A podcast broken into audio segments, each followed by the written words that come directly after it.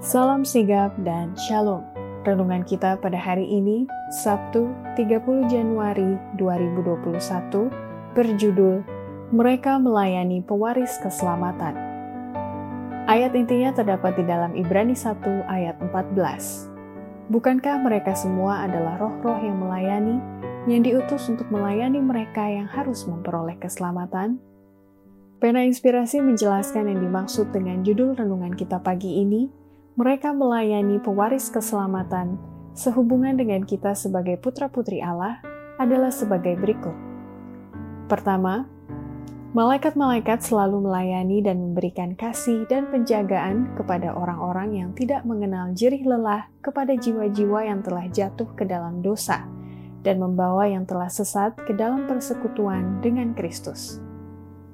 Malaikat-malaikat kemuliaan mendapat kegembiraannya dalam memberi, memberikan kasih dan penjagaan yang tidak mengenal jerih lelah kepada jiwa-jiwa yang telah jatuh ke dalam dosa dan yang telah najis. Makhluk-makhluk semawi membujuk hati manusia. Mereka itu membawa terang dari istana surga ke dunia yang gelap gulita ini.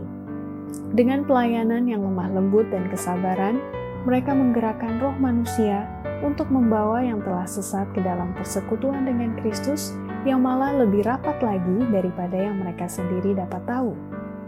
Kedua, malaikat-malaikat selalu melayani anak-anak Tuhan dan jiwa-jiwa yang mempunyai pergumulan yang paling keras terhadap dirinya sendiri dan dengan keadaan sekitarnya yang paling mengecewakan.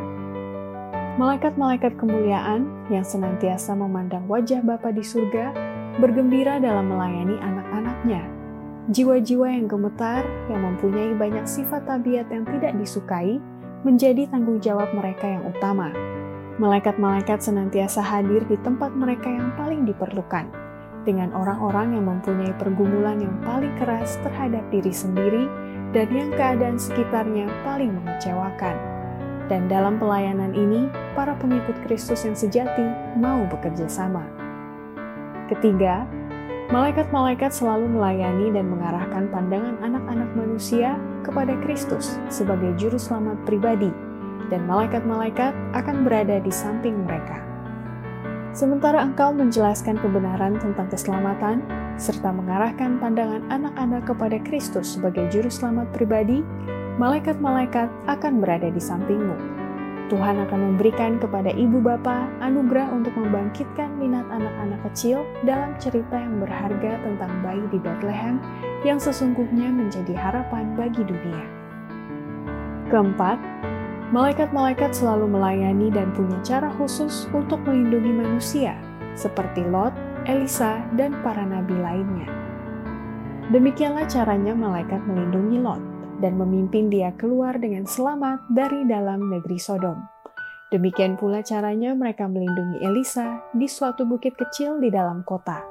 Bila bukit-bukit yang melingkar itu telah dipenuhi oleh kuda dan raja-raja Syam, dan sejumlah besar tentara yang lengkap, Elisa melihat lereng bukit yang lebih dekat telah ditutupi oleh tentara Allah. Kuda dan rata api mengelilingi hamba Allah.